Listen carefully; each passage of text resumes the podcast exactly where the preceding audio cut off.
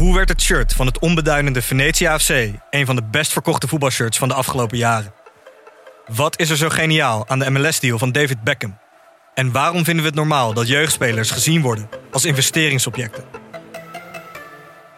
In de podcast Grof Geld onderzoek ik, Sam van Raalte, voetbaljournalist, samen met merkstratege Per van der Brink de macht van geld in de voetbalwereld. Wat gaat er schuil achter de wereld van sport en glamour? En wie profiteert er? Luister naar Grof Geld en hoor hoe de Skybox de staantribune beïnvloedt. Deze podcast is 100% expertisevrij en alleen geschikt voor amusementsdoeleinden. De inhoud mag niet worden beschouwd als financieel advies. Dit is Jong Beleggen, de podcast. Ik ben Milou. En ik ben Pim. Heren zegen deze podcast amen. We gaan het hebben over religieus beleggen. Ja, geloofwaardig. Ja, en we gaan bellen met Paul Wicht over FlatEx en de Giro. Wat daar uh, gaande is en wat we daarvan moeten vinden. Expert aan het woord. En we hebben natuurlijk een hele grote update van PDT waar ik extreem trots op ben. Ik heb ook uh, iets waar ik best wel trots op ben. Groot nieuws over mijn portfolio. Spannend. oh ja, en we hebben het nog even over stop-loss en stop-limit orders. Zullen we beginnen? Yes.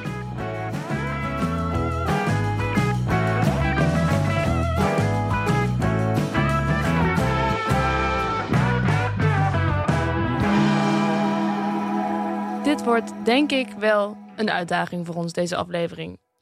Uh, ja. We zijn allebei niet religieus, niet gelovig. Nee. Ik geloof in mezelf, ik geloof in jou, maar... Dankjewel. Uh, in een, een groter iets, daar geloof ik nee. volgens nog niet in. Misschien is dat na deze aflevering wel anders. Ik ben natuurlijk ingedoken. Ik, ik, het is een uitdaging. En we hebben vorige week hebben we gezegd dat we het gaan over halal beleggen. Nou, ik heb hem even iets breder getrokken. En deze aflevering heet Beleggen met een geloofsovertuiging. Ja. Dus ik wil eigenlijk uh, de, de grote geloven die in Nederland actief zijn uh, erbij pakken. En ik was wel aan het stoeien met de voorbereiding. Um, ik denk, ja, wat kan ik hier nou over zeggen? Ik heb met veel mensen gesproken. Mensen hebben mij ook gemaild. Uh, wat. Met gelovigen heb je gesproken? Ja, en, en ook gebeld. En ja, ik had toch wel... Het is niet iemand mijn, mijn plek om hier ook heel erg inhoudelijk over te spreken. Want ik weet daar gewoon echt te weinig van af. En ik merk ook dat elk geloof en per regio en iedereen heeft weer een beetje een eigen interpretatie. Um, want ook ja, vaak, nou ja, neem bijvoorbeeld de Bijbel, is natuurlijk geschreven toen er eigenlijk nog helemaal ja, leggen eigenlijk nog niet bestond. Dus het is, ik merk ook wel dat het heel erg, uh, dat ook heel veel mensen zich afvragen, hoe moet ik dit nou interpreteren? Maar zouden er ook niet uh, al bij, toen de Bijbel geschreven werd, ook niet al bepaalde vormpjes van investeren hebben bestaan? Ja, daar wordt ook wel heel erg. Er zijn, ook, er zijn heel veel passages die zijn ook naar mij gemaild. En daar is dan iemand heeft daar dan een eigen interpretatie over gegeven. Uh, maar ja, dat is voor mij natuurlijk helemaal niet de positie om dat, om dat op een bepaalde manier te interpreteren. Ik merk dat er wel heel veel. Uh, er zijn heel veel blogs en heel veel uh, uh, bladen die specifiek voor bepaalde groepen mensen zijn. En daar zijn dan mensen die daar dus een eigen interpretatie over doen hoe je, over hoe je dit eigenlijk moet interpreteren. En daar gaan ze ook in discussie. Dus er zijn best wel veel niches, voor gelovige niches, waar je best wel informatie kan vinden over hoe kan je het interpreteren en hoe, hoe komt dat tot uiting in je beleggingen. Ja. en ik heb daar wel best wel een, een soort van rode draad gevonden. Oh. Um, en daar wil ik het eigenlijk vooral over hebben. En, en dat is eigenlijk een extreem uh, positief punt. Uh, welk geloof ik ook be bekeken heb, het staat eigenlijk allemaal uh, met, het, met het idee, je moet goed doen. En ja, wat is dan goed doen, is natuurlijk de volgende vraag. En ethiek. Daar, ja, en dan kom je heel erg in ethiek. Maar het, het mooie is eigenlijk, uh, al die, die, zeg, die gemeenschappen, die hebben allemaal, een, er zijn allemaal handleidingen geschreven. Mm -hmm. uh, en eigenlijk bijvoorbeeld, nou, neem even voor de, de, de, de kerken. Die zijn in Nederland best wel vermogend. De, er, ja. er zijn handleidingen geschreven hoe je als kerk zijnde je geld moet beleggen. En Kerken beleggen. ja, die hebben natuurlijk heel veel vermogen. Ja. Uh, en ja, dat geld moet natuurlijk, kan niet op spaarrekening staan. Dus dat moet je beleggen. En, maar met je vermogen. Maar nee, nee, nee, wacht. Maar we gaan veel te snel volgens mij. Want een kerk die verzamelt misschien geld. Die krijgt donaties van mensen binnen. Dat is dan om de gemeenschap volgens mij die bij die kerk hoort te ondersteunen. Dus ik zou zeggen, dat geld dat gaat allemaal in een pot. Waarom zou een kerk gaan beleggen? Nou, ik, ja, dat, ik denk dat het ook komt dat uh, vanuit vroeger gezien kerk altijd heel veel grond had. Een van de grootste grondbezitters in de wereld is volgens mij de kerk. Uh, en die, denk ik, die langzaam wat grond verkopen. En daardoor natuurlijk heel vermogend zijn. En er zijn ook heel veel stichtingen in Nederland en non-profits en kerken die uh, eigenlijk leven op vermogen. Dus die beleggen eigenlijk al het vermogen. En met het rendement uit het vermogen, daar onderhouden ze eigenlijk de kerk mee. En, eh, en dat is een soort van, natuurlijk, een, daar krijg je een soort van oneindige loop natuurlijk. Eh, er zijn ook, ook heel veel non-profits die al heel lang bestaan en die heel veel vastgoed hadden vanuit vroeger. Eh, en dat langzaam verkopen of verhuren. En eigenlijk een, daardoor een, een soort van een jaarlijkse stroom aan rendement hebben. En daardoor de, de organisatie van runnen. En dan heb je eigenlijk een Hmm. soort van infinity loop gecreëerd voor een, een stichting of een, of een kerk. Eh, en dat gebeurt heel veel. Oké. Dus het, En het oogpunt Dat zijn nou ook de redenen waarom er zoveel vermogensbeheerders zijn eh, voor zulke soort organisaties. Je kan niet in zo'n stichting of in zo'n kerkgemeenschap zeggen, ja, de, gewoon de mensen zelf beleggen het. Dat wil je natuurlijk eigenlijk een beetje scheiden. Dan wil je een partij voor hebben die dat organiseert. En daar zijn vermogensbeheerders heel erg voor. Eh, en daar zijn dus handleidingen voor geschreven. Hoe kan je nou zo'n vermogensbeheerder aansturen? Ja. Dus wat voor eisen kan je neerleggen bij een vermogensbeheerder als kerk zijnde? En daar worden eigenlijk gezegd de, de, de ESG-voorwaarden, dus het, het goed willen doen, het, het verantwoord beleggen, plus de christelijke waardes. En die samen, dat moet een beleggingsportefeuille zijn. En dat is natuurlijk heel interessant. Ehm, en dat heeft, merk ik eigenlijk een rode draad in bij alle geloven, is dat eh, het gaat om eh, ja, verantwoord beleggen, ESG beleggen eigenlijk. Eh, niet helemaal hetzelfde, maar komt een beetje op hetzelfde neer. Eh, plus de, de waarde van het geloof. Dus de christelijke waarde, de, de moslimwaarde. Eh, en die samen, dat is eigenlijk je soort van je filter voor je beleggingen. En, en dat is natuurlijk su- super interessant. En wat kunnen wij daar eigenlijk van leren? En wat, wat is daar ook mooi aan? Bij goddelozen bedoel je? Ja, nou, ik denk als, als ja, iedere belegger eigenlijk. Dat vind ik eigenlijk heel mooi. Dat vooral de, de kerk heeft dan in, eh, de, de, het christendom heeft eigenlijk in, volgens mij 2014, vanuit, ja, ik noem het even hogerhand, eh, eh, misschien een rare woordspeling nu, maar heeft aangegeven, opgeroepen, ook vanuit het Vaticaan, dat, dat je vanaf dat moment echt duurzaam moet beleggen, niet meer in olie en zo. Dus er wordt wel, er wordt heel erg gestuurd ook naar het, het, het ESG beleggen. En dat is natuurlijk, eh, dat is natuurlijk heel goed.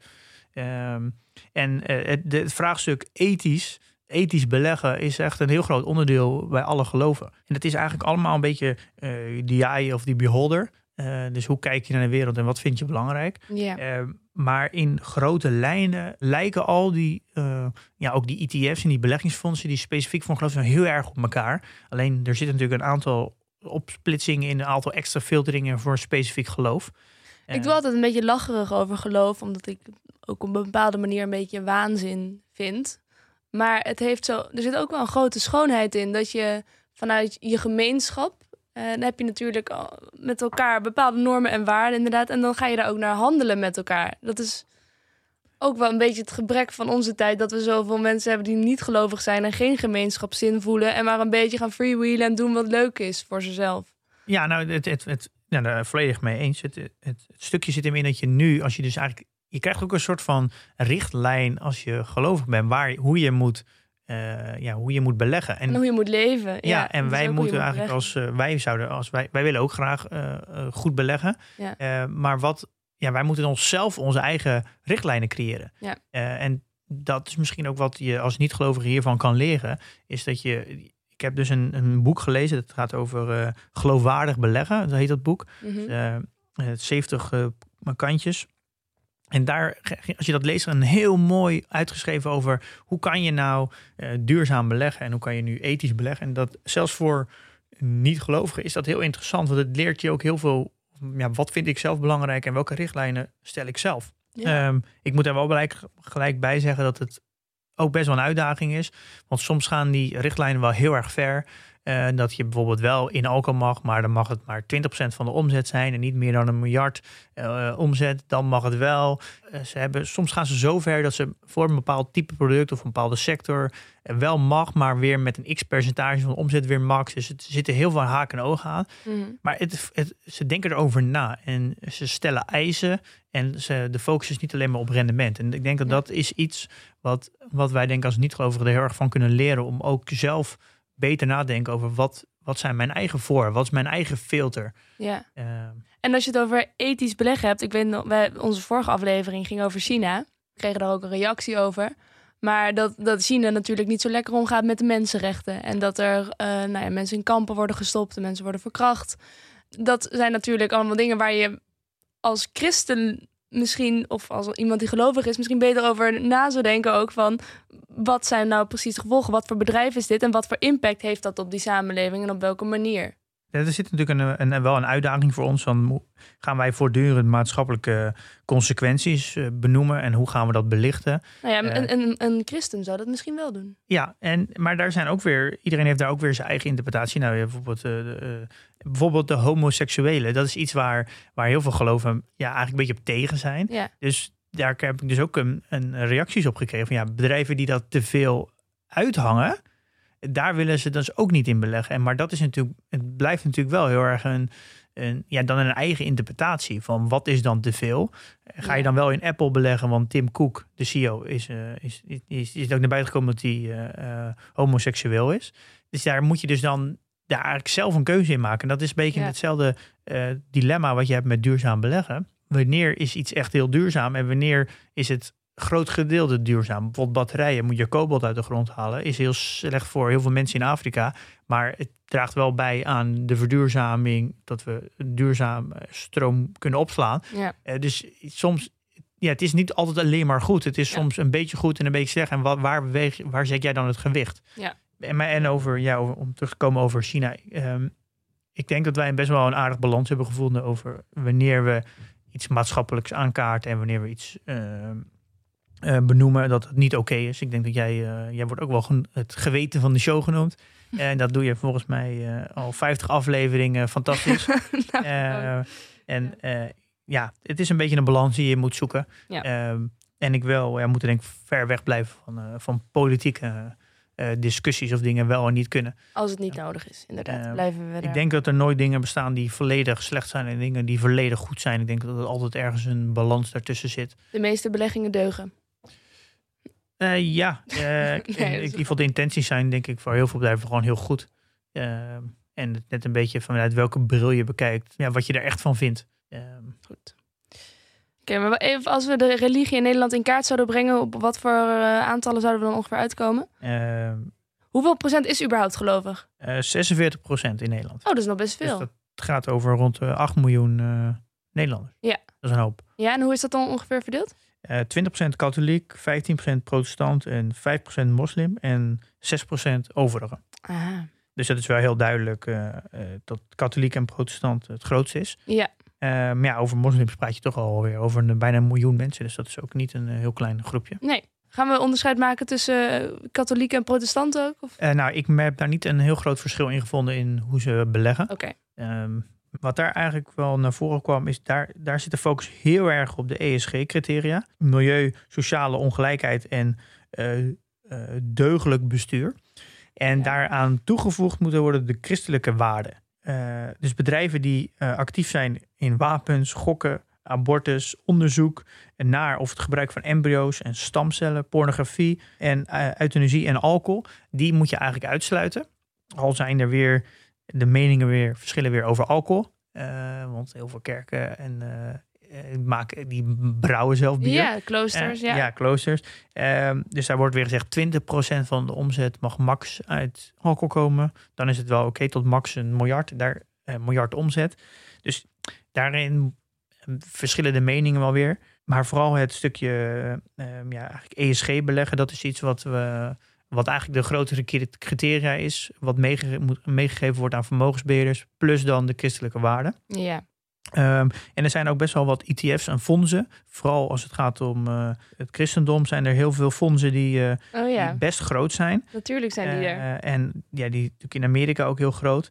En dat zit dan allemaal op die waarden van de, van de christenen. Ja, en misschien nog wel een hele mooie is, dat is, dat is een hele grote, dat is de Global X S&P 500 Catholic Values. ETF. Dus dat is zelfs van de, S&P.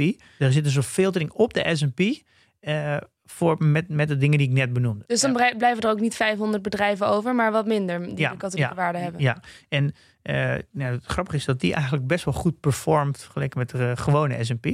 Dus het is ook wel over algemeen gezien dat eigenlijk alle ETF's en fondsen die, die gebaseerd zijn op een geloof, eigenlijk allemaal niet echt uh, onderperformen Mhm. eh, dan het gemiddelde. Dus dat is wel interessant om te zien. Dus het, het, het idee dat je rendement moet inleveren als je specifiek belegt voor een geloof, is dus eigenlijk is niet helemaal waar. Het komt er een beetje op neer dat het, het zorgt gewoon voor meer huiswerk. Het is, je moet wat meer extra werk doen. Eh, en, maar dat, ja, hoe meer voorwaarden je zet eh, voor jezelf als belegger, ook al ben je niet gelovig en je hebt ook voorwaarden, dan dat kost je gewoon meer tijd en meer energie. Je moet gewoon beter onderzoek naar doen naar hoe verdient dat bedrijf echt geld. Eh, naar bijvoorbeeld eh, anticonceptie, dat is dus niet toegestaan. Maar ja, dus als je dan in een farmaceut wil beleggen, ja, dan moet je toch wel even beter je best doen om te kijken of dat bedrijf dat ook Ja. dat maakt. Ja, en als een bedrijf 300 miljard omzet maakt, dan is het best wel zoeken, goed zoeken naar of daar iets van anticonceptie bij zit. En, en daarin moet je dan misschien ook zelf je afweging maken van als het minder is dan 1%, vind ik het dan oké of niet. ja. Ehm, ja, dat zijn denk ik de, de soort van de uitdagingen die je dan hebt. Ehm, maar dat is niet heel anders als je niet gelovig bent en je wil graag ehm, duurzaam beleggen of je wil bepaalde dat je in bedrijven legt die heel goed is voor de, voor de mens. Ja, daar moet je ook iets beter je best doen om, om dat uit te zoeken. Ja. En ja, wat ik denk, de, de tip die ik zou mensen zou mee willen geven als ze, ze graag willen beleggen eh, met een geloofsovertuiging, zoek naar eh, fondsen, beleggingsfondsen. Die zijn er heel veel en ook iets minder ETF's, maar die zijn er wel. Eh, lees heel goed wat zij als voorwaarden schetsen. En ga gewoon kijken in die ETF welke holding zitten erin. En welke bedrijven zitten er dus in die eh, beleggingsfondsen. Die, doen, die hebben daar vaak een, eh, een lange studie naar gedaan, hebben een actief beheer. Eh, daardoor is, is, vaak, is die instap vaak in fondsen heel hoog, vaak een half miljoen met een best wel veel beheerkosten. Maar als Mhm. particulier belegger kan je wel dat als een soort van check gebruiken. Welke bedrijven zitten daarin? En, en dan heb je eigenlijk een soort van grote lijst waar je dus uit zou kunnen kiezen. Of je zou het andersom kunnen doen. Als je een bedrijf gevonden hebt, kan je kijken of die daaraan voldoet. De islam. Die is eigenlijk ook niet heel anders dan andere geloven. Het gaat nog steeds over go- goed doen, goed voor de ander. Dus heel erg ESG en verantwoord beleggen. Maar er zitten natuurlijk wel een paar specifieke eh voorwaarden bij. En dat is natuurlijk eh, eh, gokken is, mag niet. Eh, bedrijven die varkensvlees produceren, alcohol natuurlijk. Oh ja. Maar dan hebben we dus één hele specifieke. En dat is rente. Eh, rente is dus noem ze, is, is haram. En dat is dus niet goed. ja. En je moet Net als varkensvlees, toch? ja, Ja. klopt. Ja, daar is het voor islamieten heel lastig om te bankieren. Want in de westerse wereld is eigenlijk het hele stelsel werkt met rente. Dus bijvoorbeeld, een, je hebt tegenwoordig ook halal hypotheken. En die werken dan op een bepaalde manier dat je dus normaal heb je, sluit je een hypotheek af. Dan moet je rente betalen. Ja. Maar als je een halal, halal hypotheek hebt, heb je dus twee constructies. Je zegt tegen de bank, ik wil dit huis kopen. Dan koop voor 100.000 euro. Dan koopt de bank dat huis voor jou eh, voor 100.000 euro. Maar dan mag je daarna... En dan koop jij het weer van de bank voor 120.000 euro. Eh, Oh, Dus- Oké, dus hij verkoopt het gewoon nog een keer. ja, en dan verdient hij dus 20.000 euro extra. Verdient hij dus. Maar dat- zou eigenlijk de rente zijn die je normaal zou betalen. Maar Ja, nu is dat geen rente, omdat je dan... Dat is gewoon, ja, gewoon handel. En handel maar dat is ook wel. wel mooi, want dan staat het bedrag tenminste ook vast. Ja, eh, dat klopt. Dat is een vorm. En een andere vorm is dat je eh, voor je, je wordt beide eigenaar van het huis. En je lost elk jaar gewoon een gedeelte van die lening af. Eh, en an- dus maar het gedeelte waar je geen eigenaar van bent, van het huis, daar dat huur je dan van de bank. Dus dan betaal je geen rente, maar dan betaal je huur. Aha, Ehm, en zo zijn er eigenlijk twee manieren om ja, een halal financiering te krijgen Ja. op een huis. Maar wat is er mis met rente? Eh, geld verdienen met geld is niet toegestaan. Ah, Eh, en dat is natuurlijk rente. En ehm, ze hebben best wel een Maar paar. beleggen is toch ook geld verdienen met geld? Nee, want je bent eigenaar van een bedrijf. En een bedrijf, daar gebeurt iets in, er wordt, daar wordt waarde gecreëerd en daar, dat is handel en dat mag. Als jij zelf een, een marktkraam begint, dan ben je ook een bedrijf en dan verkoop jij ook bijvoorbeeld appels en peren. Eh, Ja, maar Dan- vrij passief, toch? Wat ik doe als ik, um, ik zet wat geld erop en dat wordt gewoon meer. Dus in, Ja, maar daar maken ze maken geen onderscheid of het passief is. Het gaat over dat je geld verdient met geld. Eh, En eh, als je een bedrijf koopt, dan zit er ook risico in. En daar gaat het vooral de balans, risico en winst moeten in balans zijn. Ehm, en daarin zijn wel weer, maken wel weer mensen onderscheid. De ene vindt dat je dat, je dat wel mag als het buiten je eh, geloofskring is. Dus je mag het in jouw, als, andere, als dezelfde mensen jou dezelfde geloof aanhangen, dan mag je geen rente rekenen en daarbuiten weer wel. En eh, per land worden daar weer ook weer andere voorwaarden aangesteld. Of, dus het is wel een beetje eh, wat jij zelf belangrijk vindt. Maar over het algemeen is rente dus niet toegestaan. Dat is dus haram. En het gaat heel erg over dat er moet een heel duidelijk contract zijn en de risico's moeten verantwoord zijn. En daarom mag dus speculeren, mag dus ook niet. Het mag dus eigenlijk bij uh, in het christendom ook niet. Dus, dus het handelen, treden eigenlijk. En dat is meer speculeren, dat is dus niet toegestaan. Dus eigenlijk, uh, ik merk wel dat het geloof heel erg stimuleert naar uh, verantwoord en duurzaam beleggen in de vorm van je koopt een bedrijf, daar die hou je vast. Dat doe je, dat doe je met een goed risico, dat doe je doordacht, dat doe je goed onderzocht en je laat dat staan en je bent mede-eigenaar. Dat is natuurlijk eigenlijk de basisprincipe van goed beleggen. Mhm. Oh ja, en misschien nog maar toevoeging. Ze noemen dat, uh, ja, riba noemen ze dat, dus dat is rente. Uh, en dat is volgens het islamitisch recht is dat is geld slechts een ruilmiddel. En Ja. daardoor mag je dus geen geld verdienen met geld, omdat Ja. het een ruilmiddel is. Oké. Ehm, Dus dat gaat allemaal over eh, verantwoord beleggen binnen jouw geloof en het goed willen doen. Hoe, hoe pak je dat dan aan en hoe ver kan je daarin gaan? Hoe, Ja, Ja. Nee, ik denk, dit wil ik eigenlijk wat breder trekken, want dit maakte, denk ik, dit was voor mij waarom deze aflevering ineens wel interessant werd. Om, eh, om dit stukje, is dat je namelijk meerdere gradaties hebt over hoe, hoe kan je nou ja, voor jezelf goed beleggen. En daar heb je meerdere lagen die je, die je kan doorlopen. Ehm, en laten we eerst eens beginnen. Je kan eigenlijk de makkelijkste manier is gewoon uitsluiten. van wat? Eh, nou, het uitsluiten van bepaalde type bedrijven. Nou, Ja. er, eh, je hebt bijvoorbeeld de Wereldindex, de MSCI World. Die he- heeft een variant, en dat noemen ze dan de ESG-variant. En die doet eigenlijk niks anders dan een bepaalde bedrijven uitsluiten. Ja. En die sluiten uit eh, tabak, eh, kansspelen, wapens en olie volgens mij. En, en bepaalde landen. Het is een hele grove filtering. Dus in plaats van dat je kijkt naar welke bedrijven wil ik wel, doe je het andersom. Welke bedrijven wil ik niet. Ja. Dat is de makkelijkste vorm al, om al een, een, een, een stapje naar verantwoord beleg te gaan. Een soort strategie dan. Ja, Ja. dus dat de makkelijkste manier is uitsluiten. Mhm. Dan heb je dus de volgende stap. En dat is best in class.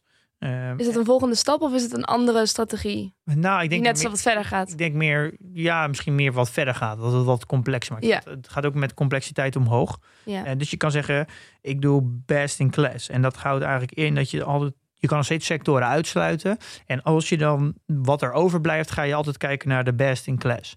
Dus wie doet het het beste? Kijk, bijvoorbeeld olie kan je zeggen, die sluit ik niet uit. Maar eh, bij olie kijk ik best in class. We Ja. hebben nou eenmaal olie nodig. Het is een beetje hypocriet om te zeggen, ja, ik doe... Ik vind het ethisch niet verantwoord om in olie te beleggen. Maar ik ga wel elke dag met de auto naar mijn werk.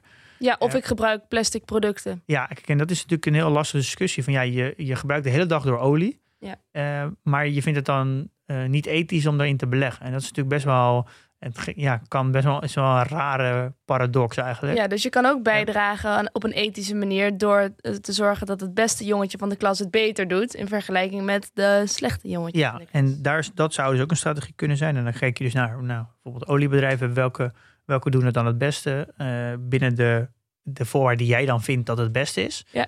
Dat is een, voor, een, een mogelijkheid.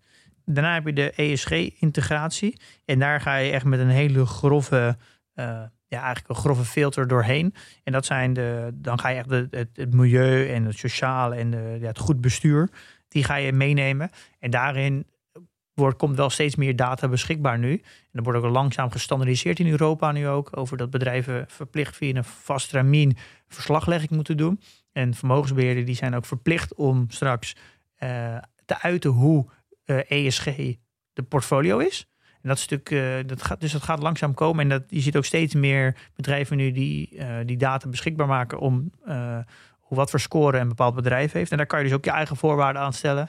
Ehm, ja, hoe hoog moet die score dan zijn? Moet het, en daar kan je, die worden vaak uitgedrukt in percentage, maar ook weer in labels A, A, A plus en dan B en dan B min en C. Zo gaat het maar door. Ja. Dus je kan ook zeggen, ik wil alles minimaal B hebben of minimaal A hebben. Ja. Ehm, ja, er is nog niet echt een, een standaardisering, maar dat gaat wel langzaam komen. En dan kan je ook weer kijken van welk onderdeel van die ESG vind je dan weer het belangrijkst. Vind je dat het allemaal minimaal moet scoren op een bepaald niveau? Of vind je dat, als, dat het gemiddeld gezien over die drie eh, goed moet zijn? Bijvoorbeeld Amazon, die scoort dus heel goed op milieu en eh, governance, maar dus weer heel slecht op social. Eh, dus- maar het gemiddeld komen ze dus wel oké eruit, maar eh, er is, de social is weer heel laag. Dus kan je weer afvragen, ja, vind ik dat dan weer oké? Pakken ze daar ook niet te veel in mee in dat label ESG? Dat, ja. Ja, nee, dat is natuurlijk alles wat een, wat een standaardisering heeft, heeft een voordeel en een nadeel. Het Ja. nadeel is dat je je bedrijf kan tweaken, dat je er goed uitkomt in die score. Eh, het voordeel is dat het weer het is veel meer makkelijker en inzichtelijker maakt. Ja. Eh, en de standaard kan je dus, als het, als het een standaardisering is, kan je dat elk jaar een beetje opschroeven. Ja. Dus je kan de lat van op een standaard omhoog schroeven. Ja. En de volgende stap is eh, thema beleggen. Ik denk dat daar mensen eh, ook heel erg fan van zijn, want dat maakt ook wat makkelijker. Nou, jij, hebt, jij bent daar een heel mooi voorbeeld van. Jij hebt een heel specifiek thema gekozen, eh, food. Ja. Dus dan kan je heel specifiek op een thema zitten. Ik denk dat dat ook een hele, ja, tegenwoordig met ETF's een, eh, vrij eenvoudig eigenlijk is geworden. Daar moet je wel even goed kijken van wat zit er dan precies in die ETF. Maar dat is misschien iets niet extreem veel werk. Dus dat is een heel mooie, mooie manier om ook eh, goed bezig te zijn als, als belegger. En daarin is natuurlijk weer belangrijk, moet je zelf weten welke thema's vind ik dan belangrijk. Zou je ook bijvoorbeeld kunnen beleggen, als we het over geloof hebben, is altijd een belangrijk thema of een eentje wat vaak naar voren komt. Gelijke behandeling van mannen en vrouwen. Is dat ook een thema waar je in zou kunnen beleggen? Heb je daar ETF's voor? Oeh, ehm, die zullen er vast wel zijn. Ehm, ja, de, nou, die zullen er vast wel zijn. Dat is een beetje hoe je dit interpreteert. Wil je dat dan over, ehm, in de, de top hebben? Of wil je dit over het hele bedrijf? Ja. Er zijn wel, volgens mij wel, denk ik wel ETF's. Ik weet niet of die in dan Nederland beschikbaar zijn, maar die, eh, daar waar je minimaal een, een personeelsbestand moet hebben die eh, vrij gelijk is. Die zijn er volgens mij wel. Oh ja. Ehm, ja, daar kan je wel, eh, eh, maar dat valt een beetje onder sociaal, onder de ESG-stuk. maar dat, dat is er zeker. Oké. Ehm, ja, en dan heb je dus eigenlijk de volgende. En die komen wel, en die zijn eigenlijk voor particulieren wel complexer. Maar die kunnen dus juist voor, voor grote vermogende, bijvoorbeeld kerkelijke instanties, wel van toepassing zijn. Ja, en, en dat is stemmen. En dat je dus ook actief gaat deelnemen aan aandeelhoudersvergaderingen en je, je laat horen. Ehm, nou, dat Ja. is dus voor particuliere rechts kan je nog steeds laten horen. Eh, je kan best wel eh, aanwezig zijn en wat zeggen. De, maar de kans dat er echt wat gebeurt is natuurlijk vrij klein. Maar Mhm. stemmen is natuurlijk wel, als je dingen wil veranderen, dan is stemmen natuurlijk altijd eh, de beste vorm. Ehm, ja, je kan voor de deur met een groot bord staan dat het niet goed is. Maar uiteindelijk als je dingen wil veranderen, kijk naar Follow This. Dan moet je gewoon op de aandeelhoudersvergadering zijn en dan moet je stemmen. Kijk, het, een bedrijf is uiteindelijk van iedereen en van niemand daardoor. Dus uiteindelijk is ja, de aandeelhoudersvergadering wordt de dingen bepaald. Ja, oké, maar als je maar een hele kleine aandeelhouder bent, dan kun je je inderdaad afvragen hoeveel impact je gaat Nee, absoluut. Maar Follow This bewijst dat ze met een heel klein percentage 30% van de stemmen kunnen binnenhalen. Hm. Dus dat is een. het is zeker mogelijk. Ik denk, ik durf wel te zeggen dat Follow This gaat. Er gaat een punt komen dat Follow This de meerderheid van de stemmen gaat krijgen. Ook, ook al hebben ze maar een paar procent. Of ze hebben volgens mij niet eens een paar procent. Ja. Dus het, eh, het kan zeker. Dan heb je daarna engagement. Dat je ook echt in gesprek gaat. In, eh, als je een aandeelhouder bent, dan mm, besteedt vaak het, eh, de CEO en het management tijd aan jou. Dus je kan langskomen om het gesprek aan te gaan. Dus je kan echt je geld, je kan stimuleren. Je kan bedrijven stimuleren en sturen. Dan heb je echt de volgende is impact beleggen. En dat is denk ik niet echt voor beursgenoteerde bedrijven. Dat zie je vooral nog wel voor, voor niet beursgenoteerde bedrijven. Maar dat kan je natuurlijk als kerkelijk instelling kan je natuurlijk ook beleggen in niet beursgenoteerde bedrijven. Eh, en dan gaat echt, eh, Ja. daar, daar is dus een, een impact maken in een gemeenschap dus heel belangrijk. Ehm, En ja, als je hier meer over wil weten, moet je eigenlijk het boek Geloofwaardig beleggen eh, lezen. Oh ja, wat al even noemde. Eh, ja, dat is een, eh, eh, ja, een heel mooi, een heel een mooi soort van handboek waar je best wel veel kan lezen over hoe je hiermee om kan gaan. Ik denk dat het, als je graag ESG wil beleggen of meer wil weten hoe je dat nou precies doet, dat dat boek, het is wel vanuit een kerkelijke invalshoek, maar als je dat even door, daar een beetje doorheen prikt, dan zitten er best wel, eh, ja, wel mooie lessen in. Is het ook handig voor als je eh, islamitisch bent? Oeh. Ja, nee, kijk, uiteindelijk waar het in de basisprincipe over gaat, is dat je, of je nou een, of je nou een geloofsovertuiging hebt, of je hebt een bepaalde blik op de wereld. eh, kijk, iemand die moslim is en, en vergeleken met jou, jij hebt ook een bepaalde blik hoe jij wil beleggen. En dat is dan niet heel anders dan een geloofsovertuiging. Het is, Ja. het is allebei, je, fil, je, bekijkt met een filter de wereld en zo wil je je geld laten spreken. Ja. Ehm, ehm, dus het is in de basis is het hetzelfde. Dus nu is de volgende stap hoe ga je dat toepassen? En daar denk ik waar mensen, daar haken mensen af. Ik denk dat mensen heel graag handvaten willen hebben over hoe ga ik die filtering dan toepassen Ja. en hoe schrijf ik dat uit en hoe, waar, hoe maak ik dan keuzes? Ja, en dan is zo'n boek wel handig. En dan is zo'n boek handig, maar ik denk ook een, het komt er een beetje op neer. eh, als je een heel graag een filtering wil in je portefeuille, dan ja, moet je gewoon meer energie insteken. Moet je gewoon tijd insteken. Uh, net als duurzaam beleggen.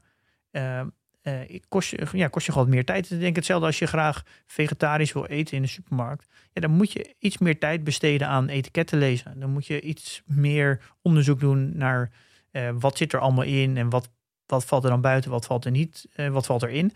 En ik denk als je dat een tijd hebt gedaan, dan, dan wordt boodschappen doen steeds makkelijker. En ik denk dat dat voor beleggen ook is. Ehm, ja, het kost je gewoon wat meer tijd, maar als je het eenmaal een beetje onder de knie hebt, dan gaat dat wat makkelijker. Ja. Nou, volgens mij mogen we allemaal, uh, kan een beetje meer ethiek in de beleggingswereld geen kwaad. Dus ik zou iedereen zeggen, jongens, denk er even over na. Ja, Laat het even op je inwerken, reflecteer even met jezelf. Ga even naar binnen. En denk na, wat zijn jouw normen en waarden? En hoe ga jij je geld laten spreken? En uh, wel een mooie, en nog een afsluiter, mhm. eh, een mooie quote. De Chinese muur tussen het streven naar financieel rendement met de beleggingen en het streven naar maatschappelijk rendement kan worden afgebroken. En dat is iets wat ik eigenlijk ook uit alles haal. Het komt er een beetje op neer dat uh, een maatschappelijk verantwoord beleggen plus rendement, dat dat eigenlijk twee losse dingen zijn en dat je het voor de een of de ander moet kiezen. Uh, eigenlijk bijna alles wat ik heb gelezen is dat ontkracht dat eigenlijk. En dat dat, dat dat prima samengaat. En nog sterker nog, eh, de moslims mogen dus niet beleggen in rente. Dus eigenlijk alle financiële uh, bedrijven zijn uitgesloten. Daardoor hebben ze eigenlijk over een lange periode best wel goed gedaan. Omdat namelijk in de financiële crisis hadden ze dus helemaal geen financiële instellingen. Waar ze dus mhm. over een langere periode bekijkt, hebben ze eigenlijk een uh, heel goed rendement gepakt. Uh, En banken zijn over het algemeen, na die financiële crisis, überhaupt niet zo'n goede belegging geweest. Ehm, nou ja, olie ook niet. Dus je ziet toch wel dat de afgelopen uh, ja, 15 jaar, dat eigenlijk als een soort uh, fondsen en ETF's het eigenlijk best wel goed doen. Uh, dus het idee dat je voor de een of de ander moet kiezen, is, die kan je laten varen. En dat je dat prima samen kan hebben. En ja, en Pimme is even dus ook in de ETF-wereld gedoken als het gaat over um, religieuze waarden. En er zijn er een hoop, die staan allemaal op de website. Kijk er even naar. En ja, tenminste, als je geïnteresseerd bent, kijk er even naar. ja, die staan daar. Is er nog wat nieuws gebeurd uh, wat de portfolio dividend tracker betreft? Uh, jazeker. We hebben een nieuwe functionaliteit gelanceerd. En nou, werd al even heel mooi benoemd in de community. En ik ga hem even, even noemen. Put your money where your mouth is. Een functionaliteit. we hebben een functionaliteit uh, gemaakt waardoor je portfolio nu deelbaar is. En dan kan je zelf bepalen of je portfolio dus uh, deelbaar is met absolute getallen of alleen met percentages. En je kan zelf kiezen of, je, of het achter een wachtwoord zit of niet. En ik ben eigenlijk hier echt extreem trots op deze functionaliteit. Omdat dit namelijk de basis is waar deze podcast op gebaseerd is, is op, op transparantie. En laten zien wat je doet en dat je van elkaar kan leren. En dit denk ik, vind ik ook, dit is eigenlijk de basis van de podcast. En dit is de reden waarom we zijn begonnen. En dit vind ik ook fundamenteel fout in de industrie. Dat iedereen praat over zoveel rendement. Uh, heel veel laten zien van deze aandelen hebben wij getipt en hebben zoveel rendement gepakt. Maar niemand laat zijn portfolio zien. Niemand laat exact zien wat hij daadwerkelijk zelf ook doet. En deze functionaliteit creëert eigenlijk de mogelijkheid dat je je portfolio open kan zetten met percentages. Dus ik vind eigenlijk ook, en dat, dat ga ik denk ik ook doen, aan alle influencers en alle andere ja, mensen in de beleggingswereld die analyses doen, die praten over beleggen, die, die, die praten over aandelen, vind ik eigenlijk dat ze in PDT een account moeten aanmaken. Ze moeten al hun eh, beleggingen erin moet, in doen. Dus niet met absolute getallen, maar gewoon met percentages. Zodat je ten alle tijden kan zien uh, dat je ook echt doet wat je zegt. Nou, ik ben nou ook weer zo dat uh, alle influencers me gratis mogen krijgen van mij. Ben jij zo, ja? ik vind dit zo fout, fundamenteel fout in de industrie. Want wat is nou precies, want waarom zou een, een finfluencer zeggen: Oké, okay, uh, takeaway, Just die Takeaway is een fantastisch aandeel, koop het nu allemaal, uh, zet er volop in. Waarom zou hij dat zeggen als hij het zelf niet doet? Nou, omdat het, die, diegene is alleen maar bezig met, uh, met, met kliks en met zoveel mogelijk views krijgen. En als je zoiets overdreven zegt, dan is de kans klein dat iemand dat daadwerkelijk zelf ook doet. Ja, maar, ja, maar als een influencer ehm, ehm, eigenlijk heel, heel erg slecht performt, dan, en dat wordt publiek of wat zichtbaar, dan verliest hij natuurlijk heel veel van zijn volgers. Want ja, gaat niemand meer volgen. Ja. Ik snap ook wel dat het heel, voor heel veel mensen eng is om als je analist bent en je schrijft allemaal analyses en je geeft, je moet je portfolio op een gegeven moment opengeven en je zien dat je eigenlijk allemaal uh, super slecht performt. Ja, hoe serieus moet je die analist dan nemen? Maar dit vind ik wel essentieel, want er staat wel eens onder, ja, degene die bezit wel aandelen. Een half procent, 1 procent, ja. uh, 10 procent, dat vind ik nogal een verschil. Um, heeft hij vijf aandelen, heeft hij 40 aandelen? Uh, ik, dat geeft, uh, kijk, uiteindelijk is het, het succes of je een, niet of je de juiste aandelen kan selecteren. Ja. Maar hoe groot is de allocatie per aandeel? Dat bepaalt uiteindelijk of je een goede belegger bent. Oké, dus ja, precies. Ik ben hier extreem trots op deze functionaliteit. Ja. Dit is de basis waarom we deze podcast zijn begonnen. Het lijkt me niet dat hij automatisch uh, je portfolio gaat delen, toch? Dat nee, die functionaliteit nee, altijd Nee, nee, dit is een uh, standaard uit. Je moet heel specifiek naar je settings gaan. Uh, en dan mag je je portfolio aan, kan je hem delen aanzetten. En het is ook een unieke link. Dus niemand kan ook zomaar jouw portfolio vinden door een URL in te typen. Het is compleet uniek. Uh, dus mensen kunnen alleen jouw portfolio zien als je daadwerkelijk de link deelt. En je kan hem ook nog eens achter een wachtwoord zetten. Dus als je een bepaalde groep mensen toegang wil geven, dan kan je het wachtwoord delen. Um, en ik, mijn portfolio is natuurlijk gewoon zichtbaar. En in de community hoop ik ook dat iedereen in zijn uh, ja, headline, dus, onder zijn naam in de community, die link deelt. En op zijn profiel zet, zodat we, uh, andere mensen ook je portfolio kunnen zien. Uh, om in de community nog veel meer te delen, nog transparanter te zijn, zodat we voor elkaar kunnen leren.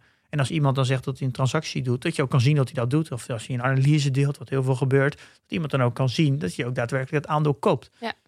nou, ik vind het een hele leuke functionaliteit. Ik ben hier extreem trots op. Dit is de, vind ik echt, het, ja, dit is de kern waarom we deze podcast beginnen. En wat ik ook heel belangrijk vind, waarom, wat de basis is van PDT uiteindelijk. Ja, en nu moet ik natuurlijk ook wel. Ik zal even weer mijn uh, portfolio updaten en dan zal ik even de, de switch omzetten Leuk. naar delen.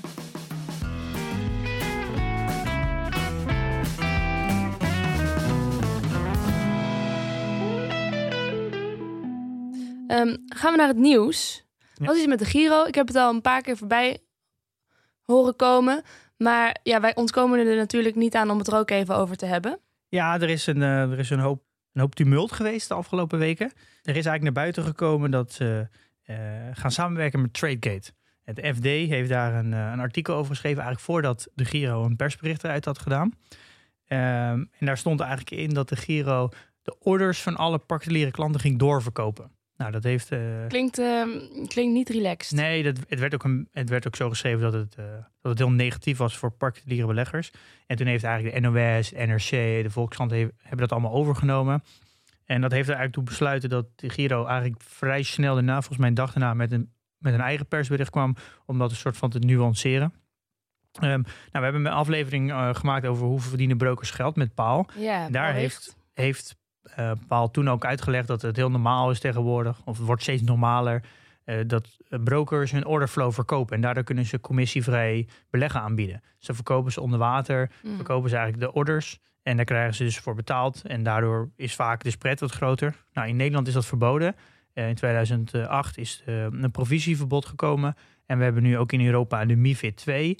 en dat geeft aan dat je eigenlijk dus niet dat je altijd in het voordeel moet handelen van de, de consument. En dat het heel transparant moet zijn. Nou, Duitsland heeft daar een eigen interpretatie van. Uh oh um, en ze zijn nu, vallen nu onder de Duitse BaFin. Laten we even met, uh, met een expert bellen. Ja. Zullen we Paul weer even inschakelen? We gaan even Paul inschakelen. Ja.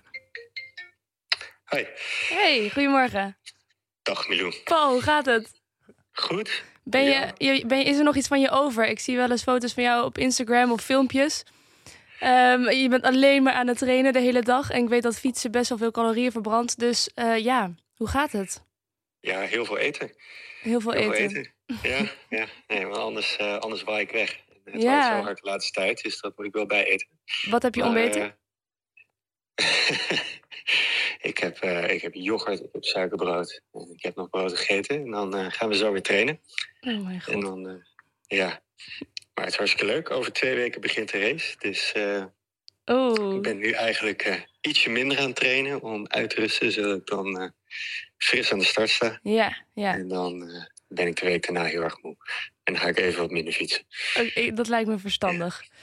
Heb jij Eh, nog gefietst? Ik, eh, nee, ik heb niet meer gefietst. Pim, heb jij nog gefietst? Nee, nee. Nee, Pim fietst ook niet. Nee. Wij hebben druk met Nee. andere dingen, zoals eh, de Giro en eh, alle regelgeving daaromheen. Nu ze in Duitsland zitten met Flat X.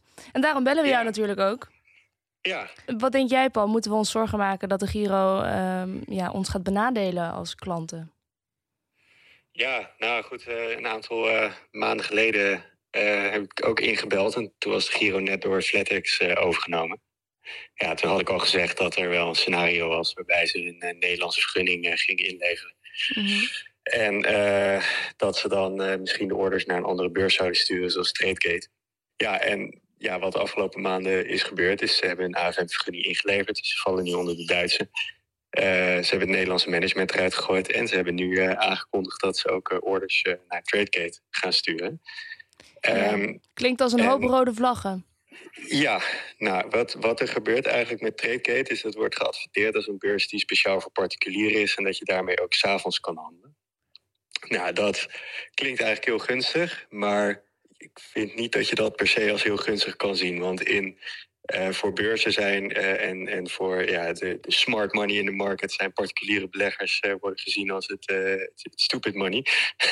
en, want die kan je makkelijk geld af, afhandig maken, omdat ze vaak niet helemaal begrijpen hoe de beursstructuur in elkaar zit. Ja. Dus ja, wat, wat TradeGate doet, is, die, is, een, is een beurs die, die bestaat eigenlijk naast de andere beurzen. En ze hebben een, waarbij je normaal als je een order naar de beurs stuurt of een broker eh, stuurt een order naar de beurs, dan betaalt hij daar gewoon geld voor, een bedragje. Nou, dat kan eh, 10 cent zijn of eh, 15 cent. Ja. En die tarieven zijn ook helemaal transparant. Alleen wat TradeGate doet, die betaalt eigenlijk de broker om de order naar die beurs te sturen. En hoeveel ze betalen weten we niet, dus dat is eigenlijk heel ontransparant. Maar ook geeft dat het idee van ja, voor wie werkt eh, de Giro nou? Werken ze nou voor TradeGate of werken ze voor de klant? Ja, En- wat denk jij? Ja, dat weet je natuurlijk nooit, eh, dat weet je natuurlijk nooit zeker. Alleen deze constructie die werkt natuurlijk wel die belangenverstrengeling in de hand. En vroeger Ja. hadden we dat ook met hypotheken. Dat hypotheekadviseurs zeiden van nou, dit is eh, de beste hypotheek voor jou. Maar dan werden ze eigenlijk betaald door de hypotheekverstrekker. Ja, en daarom is dit in Nederland ook verboden. En dat heet het provisieverbod. Ja, en nu is het dus mogelijk dat door op een Duitse licentie te zi- zitten... om dat provisieverbod te, eh, te omzeilen. En ik denk wel dat het terecht is dat eh, de pers daar ook unaniem heel erg kritisch op was. Nou, en heeft de pers het niet helemaal eh, goed gebracht. Want die hadden gezegd van ja, de Giro verkoopt orders door. En het is net als payment for order flow in Amerika. Ja, dat, daar heeft de Giro op gereageerd dat dat allemaal niet klopt. Eh, daarbij hebben ze overigens niet gezegd hoe het dan wel zit. Hm. Maar wat ik denk dat er gebeurt is, ze verkopen inderdaad orders niet direct door naar de market maker, hoe het in Amerika gebeurt. Dus dat is dat eh PIF eh, payment for order flow. Maar ze laten zich betalen door de beurs om die eh, orders naar hen te sturen. Dus dat is, eh, ja, komt ergens een beetje op hetzelfde neer. Dus ik vind het niet zo'n heel gunstige ontwikkeling. Om even het concreet te maken voor, eh, voor de luisteraar. Eh, het komt er dus eigenlijk op neer dat je nu buiten eh, beurstijden kan handelen. Eh, Ja. Nou, ra- we raden iedereen aan om gewoon de reguliere beurstijden te pakken. Dus niet eh, na half zes te handelen op de AX. Daar ga je, dat kan je beter niet doen. Ehm, ook, niet doen, nee. ook al is dat verleidelijk. Ehm, ook al krijg ik nog best wel vaak een appje van mensen. Ik, waarom werkt het niet, mijn order? En dan is het na half zes. Ehm. Daar moeten mensen denk ik heel erg op gaan letten. Ehm, maar eigenlijk komt het wel een beetje op neer. Ik heb ook een reactie gekregen van de Giro. Dat ze eh, dus niet de orders gaan verkopen. En dat je dus de optie krijgt tijdens eh, eh, reguliere beurstijden om naar TradeGate te handelen. We moeten natuurlijk even wachten op de implementatie daarvan. Ehm, Ja. We kunnen ook, als je het een beetje vanuit de andere kant bekijkt, ook wel zeggen dat het misschien een storm in een glas water is. Ehm, en dat het ehm, nog een beetje moeten afwachten of dit nou echt verder negatief ontwikkelt voor, eh, voor de particuliere belegger. Ik denk dat deze manier van werken, oftewel TradeGate betaalt de Giro, is fout. Ben ik van mening. Eh, en het mag eh, volgens de huidige regelgeving. Maar ik denk dat in de ideale wereld de AFM-regeling eh, correct is. Dat er dus een provisieverbod moet bestaan, bestaan. En dat Europa dat op een gegeven moment ook Europees moet gaan regelen. Wat wat ze ook van plan zijn. Dus ik denk niet dat deze praktijk nog een aantal jaar bestaat. Maar op het moment mag het nog. Ik zag ook dat de, de Big Bank en uh, de ING ook, uh, ook hebben een soort van aangegeven bij, uh, in Brussel volgens mij dat ze het niet eens zijn met, met hoe de regelgeving nu is. want ja. ja. zij hebben natuurlijk een ander businessmodel en die willen dat graag beschermen. dus het kan wel zijn dat er ja, in verloop van tijd dit ook, dat de Giro ook moet veranderen. Um, ik denk dat iedereen voor zichzelf moet besluiten hoe die hier naar kijkt. Uh, als je klant bent bij de Giro en uh, ja, als je naar een andere broker gaat, naar een bank of naar een Binkbank. Uh, ja, dat je dan ook meer gaat betalen. En iedereen moet voor zich denk, gaan bepalen. En stop het in perspectief inderdaad. Ik denk dat je, ja, wat, wat het je nou uiteindelijk gaat kosten als particuliere belegger. Als je niet te veel handelt, zal het dan nou, inderdaad allemaal reuze meevallen. maar ja dit, ja, dit is inderdaad meer een marktstructuurvraag. En, en het is, uh, ja, voor, voor beleggers kost het natuurlijk allemaal een klein beetje. Maar voor alle beleggers samen kost het natuurlijk wel veel. En daardoor is het natuurlijk zo'n interessant businessmodel. Ja, ja, ik, uh, ja dankjewel voor deze extra toelichting. Ik uh, heb in ieder geval besloten dat ik een, wel een tweede broker erbij ga nemen. Echt? ja, al erbij. Gewoon, ik denk, merk sowieso. dan gaan we het binnenkort ook een keer hebben over security. over als je wat meer vermogen hebt. en daar is spreiden ook wel een goed onderdeel van. Dus ik ben er zelf wat ah. stappen in aan het maken. Daar gaan we binnenkort nog een extra aflevering over maken. Om, uh, om uh, je, ook je beleggingen iets beter te kunnen beveiligen. Uh, ook qua risicospreiding. En ik vind het eigenlijk wel fijn om, om ook wat meer brokers te hebben. Dat ik niet, dat ik als er wat gebeurt bij een broker, dat ik ook wat flexibeler ben. Ja, zit Waar maak je het meeste zorgen over? Ransom? Um, nou, nee, ik denk meer toch wel meer social engineering. ja. Daar maak ik me, omdat ik nu een, ook iets meer publiek ben. En ik krijg best wel vaak uh, berichtjes van mensen waar, ik, uh, waar dingen aan me vragen. Dus ik ben heel huiverig voor uh, social engineering. Ja. Maar daar gaan we het binnenkort over hebben. Okay. Gaat volgen.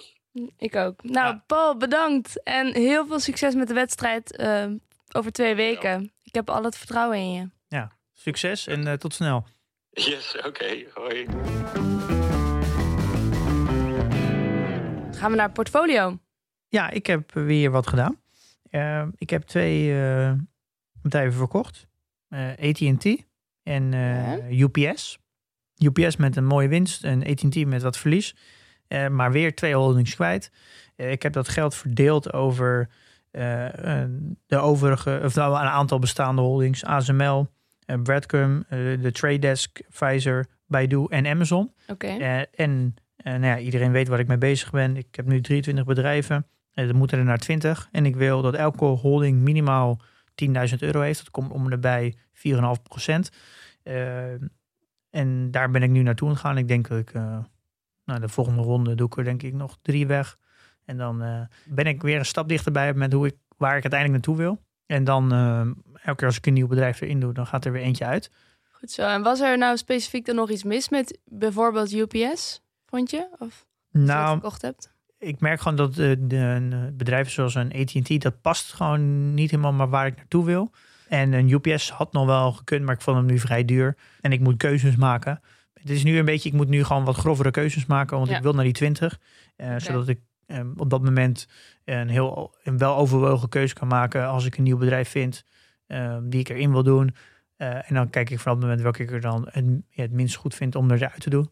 Um, uh, maar de bedrijven die ik nu allemaal verkoop zijn niet zozeer slechte bedrijven. Dat niet. Oké. Okay. Um, totale waarde? Oh ja, uh, 227.100. Oké. Okay. En Pim, ik heb dus een verrassing. Nou ja, verrassing. Ik heb iets uh, gedaan um, waarvan ik dacht, ja, ik ga gewoon kijken wat er gebeurt. Ik heb twee aandelen van Just Eat Takeaway gekocht. Wow! ja, I know. Verklaar. Nou, we hebben het natuurlijk al veel over gehad. Ik heb het idee dat ik een halve fundamentele analyse heb gedaan door puur alleen maar deze podcast te maken. Ik wil gewoon even kijken wat, wat zo'n aandeel nou precies doet. En hem even echt ook in de gaten houden. En dan kan die net zo goed gewoon in mijn portefeuille zitten voor, nou ja, met maar twee aandelen. Dus dat is een klein percentage van mijn hele portfolio. Ik dacht, daar kan ik me niet heel erg een buil aanvallen. Ik ben ook niet van plan om die positie verder uit te breiden, maar het gewoon hierop te houden. En uh, ja, kijken wat er gebeurt. Ik, ik heb ook gezien op welke koers die heeft gestaan in het verleden. Ruim 150, geloof ik. Nu staat hij, nou ja, as we speak, op 78,60 euro. Voor dat bedrag heb ik hem ongeveer gekocht gisteren. Ehm, ja, en het, het voelt wel leuk om dat nu even zo eh, in de gaten te houden. Ja, mooi, een mooie Ja. stap. Bedankt. Ehm, En verder gaat het ook best wel goed. Ik ben over de grens van eh, 1000 eh, in de plus nu. En mijn totale portefeuillewaarde eh, staat daarmee op 6.896 euro en Oké. 7 cent. leuk. Gaan we naar reviews. Ja, dit keer een, eh, een vraag van een luisteraar. Zal ik voorlezen? Ja. Dag Pim en Milou. Eerst en vooral mijn complimenten voor jullie geweldige podcast. Ik ben drie jaar bezig met beleggen en ben twee maanden geleden jullie podcast tegengekomen op Spotify. Zo net heb ik de laatste aflevering beluisterd. Ik kijk uit naar de volgende. En graag hoor ik jullie mening over het gebruik van een stop-loss order en de verschillende stop-loss strategieën. Als beginnende belegger kan het instellen van een stop-loss order mogelijk gemoedsrust creëren. En bij een mogelijke beurscrash zou je stoploss getriggerd worden en kan je aan een lagere koers terug aankopen. Wat zijn volgens jullie de voor- en nadelen van een stoploss slash stoplimit order? Ga zo door met de podcast. Groetjes van een Belgische luisteraar, Michael. Ja, leuk. Dankjewel voor, eh, voor het compliment. Ehm, ja, de, s- de stop-loss order is eigenlijk een onderdeel van een soort van handelsinstrument. En het zegt het eigenlijk al. Het is vooral bedoeld voor het handelen. Eh, handelaars die vooral op een dag handelen, of misschien zelfs korter. Ben je alleen maar bezig met risico's. Dus je wil je, het is een onderdeel, het is een handelsinstrument om je risicomanagement goed op orde te hebben. Ja, Dus het wordt heel erg gebruikt om eh, dat het verlies bijvoorbeeld nooit meer dan 10% mag zijn. En dan mm, wordt, die, eh, wordt die eigenlijk ingelost. Ehm, dat kan je natuurlijk ook naar positief doen. Dat als die boven 10% rendement hebt, moet ik hem ook eh, inlossen. En dat is in, de, in, tijdens het handelen. eh, voor echte handelaar is dit, is dit een heel belangrijk instrument. ja, Maar ik denk echt voor de lange termijn belegger zie ik daar iets minder voordeel in. ook geen nadeel toch of wel? Nou ja, kijk, je creëert. Ik snap wel dat het rust geeft, want je, je beperkt een soort van je, je, je weg naar beneden. Want je kan voor al je aandelen een stop-loss order bijvoorbeeld 10% onder de huidige koers leggen. Alleen, ja, je creëert daar wel een dilemma mee. Want stel je voor, hij tikt dat aan. En dan worden al je aandelen verkocht. Misschien is de dip wel 11% en hij gaat naar 11 en dan gaat de volgende dag weer met 3 omhoog. Dan heb je dus eigenlijk alweer een, een, een weg omhoog van 2% gemist. Dus de vraag is, als hij naar beneden gaat... en wil niet zeggen dat hij altijd, als die 10% naar beneden gaat... dat hij dan ook naar 20 gaat. Dus je, je weet niet hoe ver die naar beneden gaat. Dus de, je creëert dan een nieuw dilemma. Wanneer ga je dan bijkopen weer? Of wanneer ga je weer instappen? Dus je creëert een automatisch uitstapmoment... maar je, je creëert een nieuw dilemma. Wanneer ga je er dan in? Nou, ik heb die coronacrisis mm, bewust meegemaakt... want ik ben in januari begonnen... Eh, aan, mijn portefeuille ging met 32% naar beneden. Ja, je, gaat, je, je ziet alles is rood. Echt heel erg rood. Ja, Eh, en dan denk je, nou, nu is er, is er 10.000 vanaf. Dit is het wel. En dan gaat de volgende dag er nog 8.000 vanaf. En dan denk je, dit is het ook. En dan gaat er dan nog een keer 6.000. gaat maar, dat gaat er maar af. Eh, je, je raakt best wel in paniek. Je weet niet wanneer de bodem is. maar ik dacht dat dit misschien wel ging over dat koopmoment. Dat op het moment dat je koopt, dat je zo'n instelling doet. Ik doe meestal market order, maar je, er zijn dus die andere opties ook. Ja, en kijk, de, de- dit is eigenlijk een, je kan een doorlopende order maken dat je zegt dat je eh, als die een zo dat je eigenlijk in als die zoveel procent zakt, dat hij dan automatisch verkoopt. Dus je hebt altijd een doorlopende verkooporder. Ja. Eh, kan natuurlijk ook omhoog. En het is het, het, zegt eigenlijk al stoppels, het lost hem in vanaf een bepaald moment. Eh, dus je, je, je, je stopt je verlies, stop los. Dus je, Ja. je zegt dat je verlies max 10% wil zijn, dan kan je dat instellen en stop los om 10% eronder. Je, je, je soort van je downside risk is dan gelimiteerd op 10%. Ja, ja. En dat kan natuurlijk heel veel rust geven. Alleen ik, ik vind dat je er wel een andere dilemma mee creëert. En als je een lange termijn belegger bent en je doet fundamentele analyse en je denkt dat dat bedrijf op lange termijn omhoog gaat, dan moet je er niet wakker van liggen als het door het huidige beurssentiment het bedrijf met 30% zakt. Dat wil niet zeggen dat het bedrijf ook 30% minder goed is. Ja. En daar moet je heel erg onderscheid maken. En daar zit ook een onderscheid als je fundamenteel onderzoek doet en je bent een lange termijn belegger. Dus dan zit er onderscheid tussen de koers en het bedrijf. En de koers gaat op en neer, maar het bedrijf die gaat steady omhoog als, als het een goed bedrijf is. Ja. Dus de, ja, als het het 30 klopt. Ja. ja, dus als het 30% naar beneden gaat, dan moet dat in principe geen probleem zijn. Want het bedrijf houdt gewoon zijn verdiencapaciteit en is gewoon nog steeds het bedrijf. Ja. Dus ik kan me er wel iets bij voorstellen als je echt meer in de beetje de, de wat meer echte groeiaandelen zit. Zo'n Fastly en Traders bijvoorbeeld, die, die, ja, die kunnen in bepaalde momenten, als het, als het echt heel hard oploopt, echt wel een tik naar beneden krijgen van 30, 40 procent. als je echt veel in zulke soort aandelen zit, dan kan me iets van voorstellen dat je, dat je daar misschien dan wel mee werkt. Ehm, maar tegelijkertijd ook gerealiseerde verlies is een gerealiseerd verlies. Ja, dus uh, maar ja, uiteindelijk moet je er misschien zelf mee experimenteren. Ik denk, ik zie daar niet zoveel voordeel van bij bijvoorbeeld een Amazon of een Ahold of Microsoft. Uh, maar ja, daar moet je zelf mee gaan experimenteren. Ik denk op lange termijn dat het uh, niet heel erg werkt, denk ik. Oké. Nou, dan zijn we er wel, Pim, denk ik. Laten we het hierbij houden. Ja. Wat, um, wat gaan we volgende week eigenlijk doen? Ja, je beleggingshorizon gehaald en dan? Wat bedoel je? Dus dat je bijvoorbeeld met je pensioenleeftijd bent? Mm, dat, een beleggingshorizon? Dat zou kunnen. Dat ligt aan iemands beleggingshorizon. Ja, okay. Beleggingshorizon kan ook zijn uh, vijf jaar, uh, omdat ik dan oh, ja. huis wil kopen. Vraag of, me wel eens af, moet ik er dan alles in één keer uithalen? Of uh, wat, wat, ja, nou, vijf jaar, ik wil, met, ik wil een auto kopen of een huis kopen. Of ik ben aan het sparen. Over tien jaar, twintig jaar wil ik een boot kopen. Dus horizon hoeft natuurlijk ja. niet altijd pensioen te zijn. Nee. Trouwens, ook een hele mooie vraag gekregen van iemand die graag met, uh, met pensioen wil. Vijf jaar eerder. Ja. Uh, en heeft, daar, ja, heeft dat geld nu, maar die wil, ja, moet je dan beleggen of niet? Dus die horizon ja. is heel kort. Ja. Dus we krijgen ook best wel steeds meer oudere luisteraars. Dus ik dacht, laten we eens een keer een aflevering maken over het einde van je horizon. is voor mij nog niet relevant, maar het is wel goed voor mezelf om daar verder over na te denken. Ja, ik ben ook wel benieuwd eigenlijk. Vraag me wel eens af namelijk. En vooral denk ik de, de, die jaren richt, die steeds dichter bij je horizon komen. Hoe ga je dan daarmee om? Ja, oké. Goed. Nou, dan uh, ja, rest ons nog investeer in je kennis. Beleg met beleid.